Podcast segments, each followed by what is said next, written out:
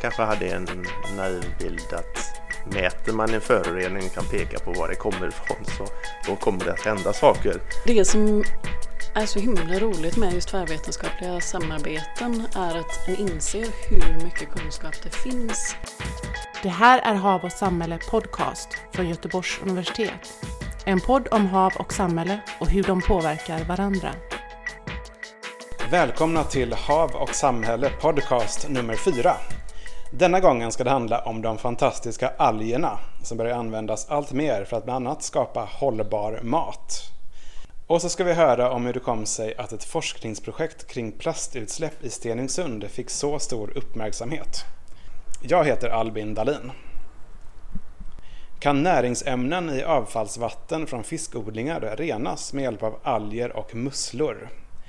Ja, ett mastersarbete vid Göteborgs universitet visar att det kan vara möjligt, men att det också finns praktiska utmaningar. Kristoffer Stett har studerat eh, på programmet för marina vetenskaper och gjort ett examensarbete inom marinbiologi där han undersökt möjligheterna med just detta. Jag heter ju då Kristoffer Stett eh, och jag eh, är marinbiolog. Jag har studerat nu på Göteborgs universitet marina vetenskaper jag hoppade på ett masters examensarbete i ett eh, centrum som heter Svemark eh, och kollade då på hur man kan eh, rena avfallsvatten från fiskodlingar med hjälp av alger men också musslor. Precis, och det här är ju en väldigt intressant fråga kan man säga för vattenbruket ökar ju väldigt kraftigt globalt. Och det skriver du också här i din rapport att det är en väldigt växande verksamhet. Och, men som samtidigt eh, innebär stora påfrestningar på miljön, bland annat med näringsutsläpp och så från odlingarna. Eh, vad är det stora problemet med det skulle du säga? Ja men exakt. Ehm, jag tror att det är någonstans runt 60 procent av eh, kvävet som släpps ut från fiskodlingar då och det är ju ett stort problem med övergödning för det är ett, en, ett, näringsämne för övergödningen då så att det blir, kan ju ofta bli problem då med övergödning. Eh, så det är inte så bra eh, och dessutom då så är det ju näring som man eh, ja, inte tar tillvara på som bara släpps rakt ut i, i vattnet. Men nu har du undersökt då olika metoder för att kunna ja, om ta hand om detta näringsläckage med hjälp av både alger, en makroalg, vad kallas den? Exakt, makroalgen eh, Saccharina latissima är det latinska namnet på den och den heter sockertare på svenska. Så det är långa, eh, stora makroalger, kelp kallas det också, eh, som en brunalg eh, och de kan växa och eh, växer väldigt snabbt ofta eh, och kan bli ja, lite beroende på vart i vilka vatten de är men 2-3 meter här i Sverige kanske ungefär. Um, yes. Men sen har du också undersökt eh, en typ av blåmussla. Använda blåmussla på samma sätt. Exakt, ehm, så skillnaden däremellan är att blåmusslan filtrerar vattnet och tar upp de partikulära näringsämnena Eh, medans eh, algerna då tar upp de lösta näringsämnena. Så eh, på det sättet var tanken då att man ska kunna ta tillvara på näringen som kommer ut både partikulärt och löst. Så rent konkret, hur gjordes den här undersökningen eller, eller de här experimenten? Ja, eh, jag var uppe då på en fiskodling i Norge. Eh, och sen så deras eh, avfallsvatten från den här fiskodlingen då den ledde jag in i en stor tank eh, där jag hade musslor som hängde på rep. Eh, ungefär 20 000 musslor i en sån tank. Eh, sen så vidare så ledde jag det vattnet från den tanken eh, när det gått igenom hela tanken ut och sen så in i en tank med alger. Eh, och där hade jag 420 alger ungefär. Eh, och sen så då vidare ut och då så mätte jag hur mycket eh, näringsämnen det fanns innan vattnet kom in. Sen mätte jag efter musslorna och sen mätte jag efter algerna och såg då ifall de olika eh, näringarna eh, förändrades. Eh, yes. Och det här pågick under lång tid? Det här experimentet pågick i ungefär vad blev det, 34 dagar. Så just provtagningen pågick under den tiden men sen så experimentet planerades ju och gjordes under en rätt lång tid innan dess. Mm. Så det var mycket praktiskt som skulle på plats för att lösa det här. Men just experimentdelen var i 34 dagar. Och vad kan man då få se för resultat av det här experimentet? Eh, ja, eh, det var ju rätt så, eh, fick ju rätt så bra resultat då om man kan säga så. Eh, det var ur, ur det partikulära så hade jag lite, lite tekniskt strul men eh, runt mellan 15 och 30 procent av de partikulära ämnena tog eh, musslorna upp och då var det nog eh, egentligen eh, mer än det som inte jag kunde utläsa. Sen så på algerna så var det runt 60 till 70 procent av det lösta näringsämnet, kvävet, då som jag mätte, som algerna lyckades ta upp. Så det är ju väldigt bra utbyte där.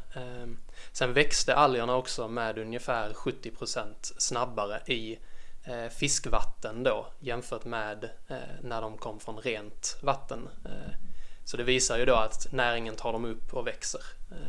Det måste vara väldigt tydligt konkret bevis på det här. Ja, exakt. Det var ju en, ett, ett glädjebesked också. Det var en liten chock när jag de algerna jag hade planterat i på bara då 30 dagar hade de växt ungefär en och en halv meter. Eh, så det är ju utöver att de renar vattnet så har vi ju en biomassa där som man kan eh, ta hand om och sälja också. Ehm, så det ska man ju också tänka på. Att det, det är ju någonting som borde vara eftertraktat för eh, fiskodlingarna eh, att att de får ut en extra biomassa utan att egentligen behöva lägga in några extra de behöver inte mata de här algerna på något sätt utan det är ju bara spill från fiskodlingen. Mm.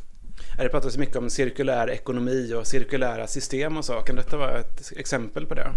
Ja, men det är väl lite tanken. Det är förhoppningen. Eh, problemet här är väl då att för att kunna rena vattnet från fiskodlingar så behövs det så väldigt, väldigt stora ehm, eh, algodlingar då, om vi bara fokuserar på algerna. Eh, så för det jag kollade på, då var det inte en så stor, en så stor eh, säga, bur med fiskar. Eh, de här fiskodlingarna i eh, Norge då, eh, speciellt har ju kapacitet för väldigt mycket fisk och det är ju det de vill producera och allt avfallsvatten som kommer ut därifrån då hade man behövt väldigt stora ytor med alger för att kunna rena detta.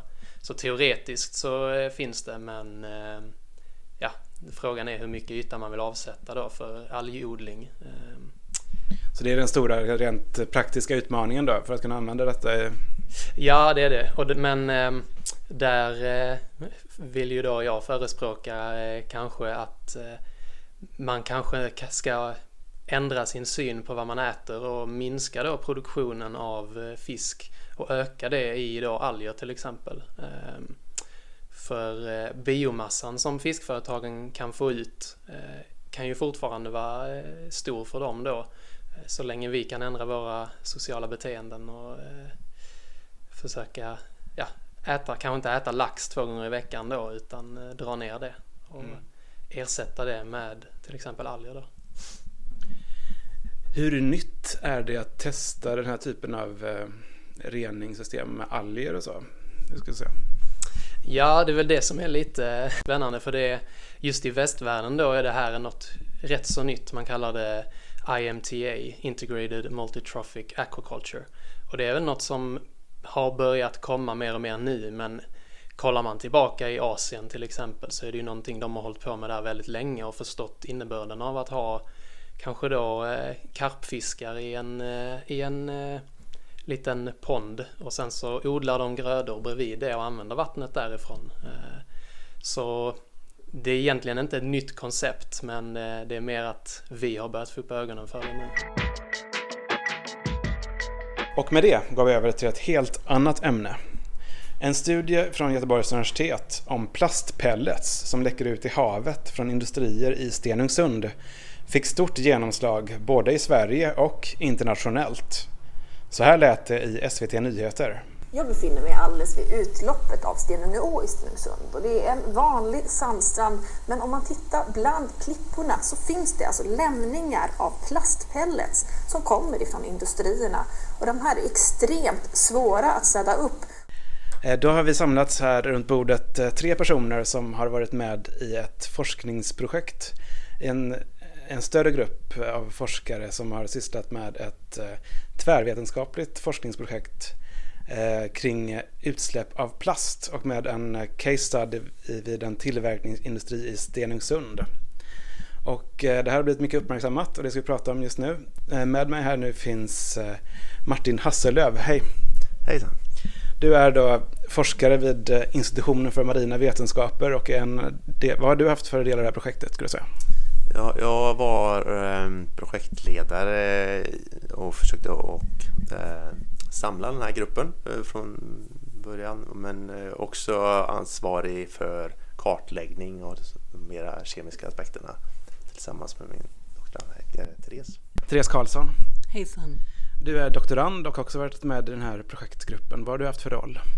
Det stämmer. Jag, jag står som första författare i artikeln och kom in lite efter att projektet hade startat och har kanske försökt foga samman kunskapen ganska mycket från de olika fälten och skrivit mycket kring det. Sen har vi också Lena Gippert. Du är professor i miljörätt men också föreståndare för Centrum för hav och samhälle. Eh, vad har du haft för roll i det här projektet? Jag har tillsammans med Martin varit med och initierat själva projektet. Så eh, det har varit min roll och sen har jag gjort en del eh, juridiska analyser. Det här har ju fått väldigt mycket medial uppmärksamhet. Det är ett väldigt tydligt, konkret exempel på utsläpp i havet. Eh, Therese, om du bara ska berätta, vad var det som projektet kom fram till, eller som blev nyheten här? Det vi kunde se genom våra mätningar var att varje år så sker det kontinuerliga utsläpp från produktion, produktionen utav plast. Och vi uppskattar det till mellan 3 och 36 miljoner pellets. Och det här sker trots att det egentligen finns ett regelverk som borde förhindra det. Eh, och om man sen kollar på mindre fraktioner så ser man att det blir ännu större. Och vi kunde också se att um, att de här utsläppen sker också i samband med transport, i samband med förvaring och i samband med lastning och lossning. Titeln på den här vetenskapliga artikeln är också då The Unaccountability Case of Plastic Pellet Pollution. Varför just det här med accountability är viktigt? Det handlar ju mycket om att det, det här sker och sen så finns det inte någon jättetydlig ansvarsfördelning på de spillen som har skett trots att det är ganska så tydliga spill. Um, så det, det, har börjat hända mer och mer de senaste åren. Man kan se att det finns en starkare debatt kring det. Men trots att det här började tas upp redan på 70-talet och trots att redan på 90-talet så började man prata om det i USA så har vi här i Sverige inte börjat prata om den här sortens spill förrän bara de senaste åren. Vad kommer det sig tror du? det ligger nog lite grann, vi pratar om det i rapporten också, att det ligger nog lite grann i att det är systemfel. Man, man, vi ser det men det faller lite mellan stolarna. Uh, och det finns inte... Man reagerar inte på det. Och jag vet att Lena pratade om det någon gång, att man kommer ut och så ser, det, det syns men det syns inte, precis som när man är ute och plockar svamp. Att när man väl börjar se det så inser man att det ligger överallt. Ja, Lena Gippert, du har haft den juridiska inriktningen här i det projektet. Eh, blev du förvånad över detta? Att det kan ske sådana här utsläpp trots miljöbalk och den lagstiftning som finns? det var lite så projektet började. 2014 eh, och även nu då idag så går vi ut på stranden och så ser vi att det ligger massa plast där och så har vi haft en miljöskyddslag och miljöbalk sedan 69 och det är just den här typen av Alltså synlig förorening, det, det, det borde inte förekomma överhuvudtaget. Så det, det, ja, det var eh, märkligt. Och jag tror det är inte bara det att liksom, miljölagstiftningen har fallerat eller att man inte har tillämpat den riktigt. Det är ju också eh, någon form av eh, syn i, som vi har att det här har nog inte varit så farligt. Eh, det är fult men det, vi har ju accepterat att det ligger där och kanske egentligen inte sett det. Mm. Det här är ett exempel då från en industri i Sverige, Bohuskusten. Men hur, hur typisk är den här produktionen skulle ni säga för ja, plastpellets? Ser det liknande ut på andra håll kan man tänka sig? Ja, det tror vi nog. Sen vi, sen vi publicerade den här så har vi haft flera personer som har skickat bilder på hur det ser ut i deras länder till oss. Eh, och det är också någonting vi sett när vi kollat igenom litteraturen, att det här är inte ett isolerat problem. Det här är någonting som sker i samband med produktion och transport utav plastpellets. Och det, det, det, verkar vara ett internationellt problem och troligtvis så skiljer sig kanske siffrorna lite grann åt på olika platser. Men processerna är nog ganska så lika i andra områden också. Det har blivit eh, väldigt mycket reaktioner kring detta, stor medial uppmärksamhet. Eh, Eh, vad tror du att det beror på, Therese? Jag tror att det beror nog på lite grann eh, samma sak som var det som fick oss intresserade utav, oss, utav det. Att det känns lite konstigt att det här fortfarande pågår. Och att när det, det rör sig om, visserligen om kontinuerliga utsläpp men det blir, när man lägger ihop det, när man summerar ihop det så blir det ganska så stora utsläpp. Och att det just då fallit mellan stolarna och inte riktigt har reagerats på. När man summerar ihop det och visar på det så målar det en bild som folk reagerar på. Vad har det blivit för reaktioner från eh, de som är ja, stakeholders, som säger, dels företaget men även tillsynsmyndigheter och så. Hur har reaktionerna blivit på det här? Det har blivit ganska så... Det har blivit positiva reaktioner från många håll. Företagen har gått ut och, företaget har gått ut och sagt att de i stort håller med våra slutsatser. Att det här är någonting som är viktigt att arbeta med. Likaså så känner vi att det finns ganska så starkt stöd från Länsstyrelsen att kolla på de här frågorna. Och ehm, det överhuvudtaget så reaktionerna från alla olika sorters stakeholders har varit väldigt positiva och stöttande. Olika miljöorganisationer har också gått in och uttalat vikten av att arbeta med den här sortens spill.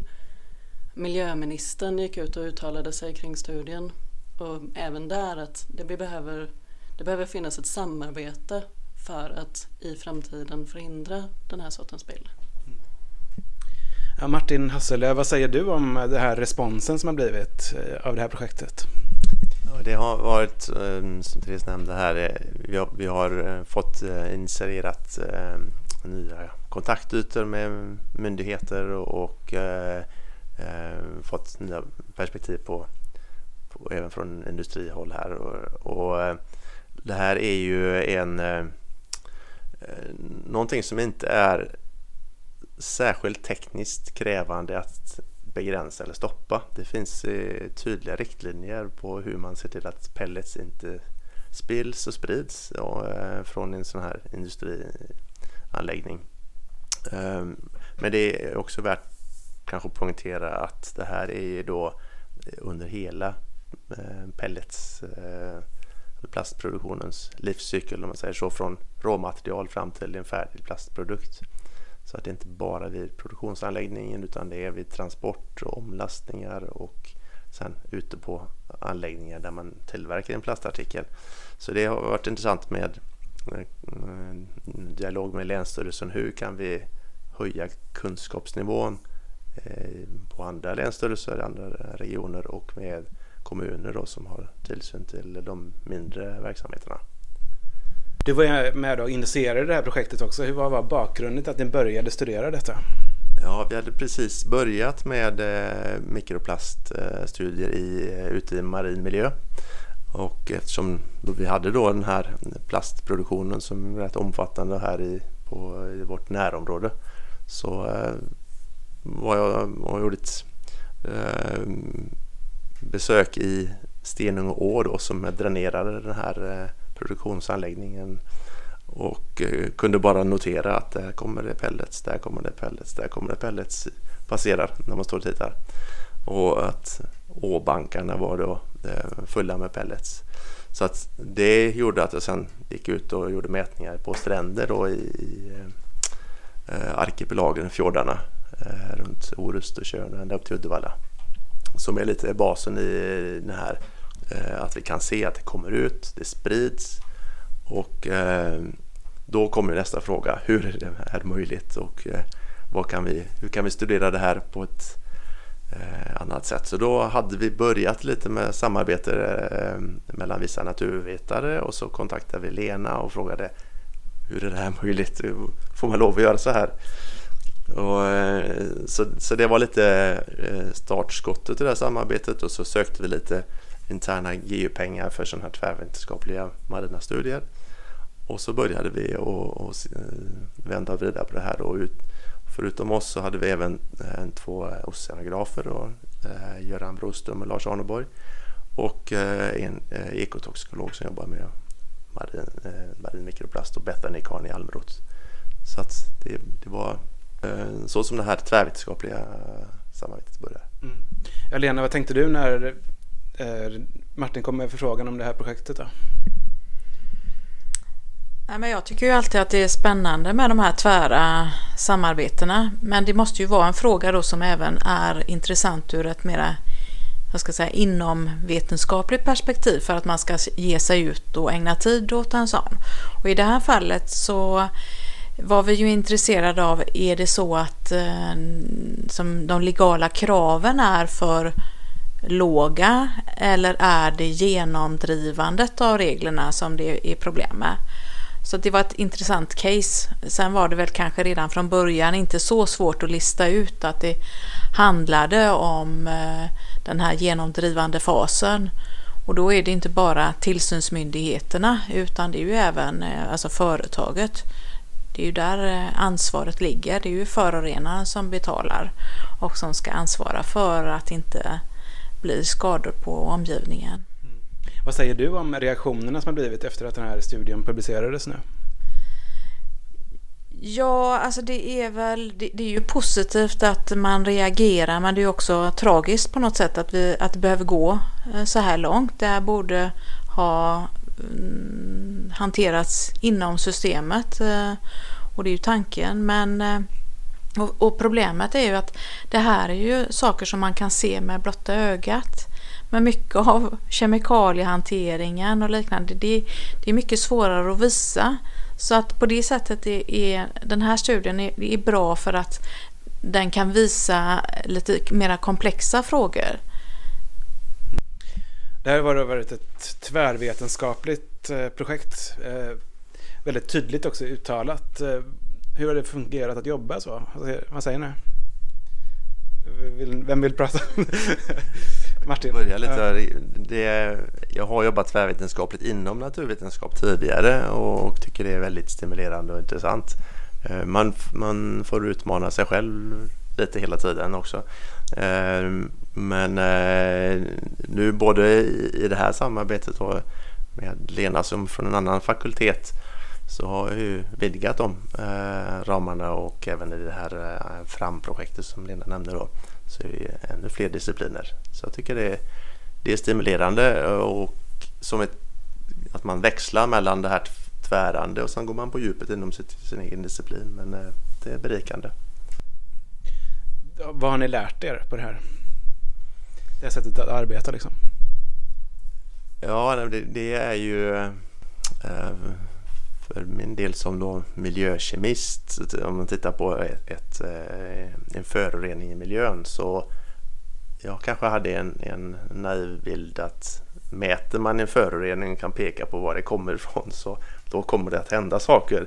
Och det, det har jag väl fått mer insikt kring att det är eh, de eh, juridiska trådarna eller näten är, är komplic mer komplicerade än så. Så att det har varit en eh, lärorik process för mig just att förstå lite mer av, av eh, de lagliga aspekterna.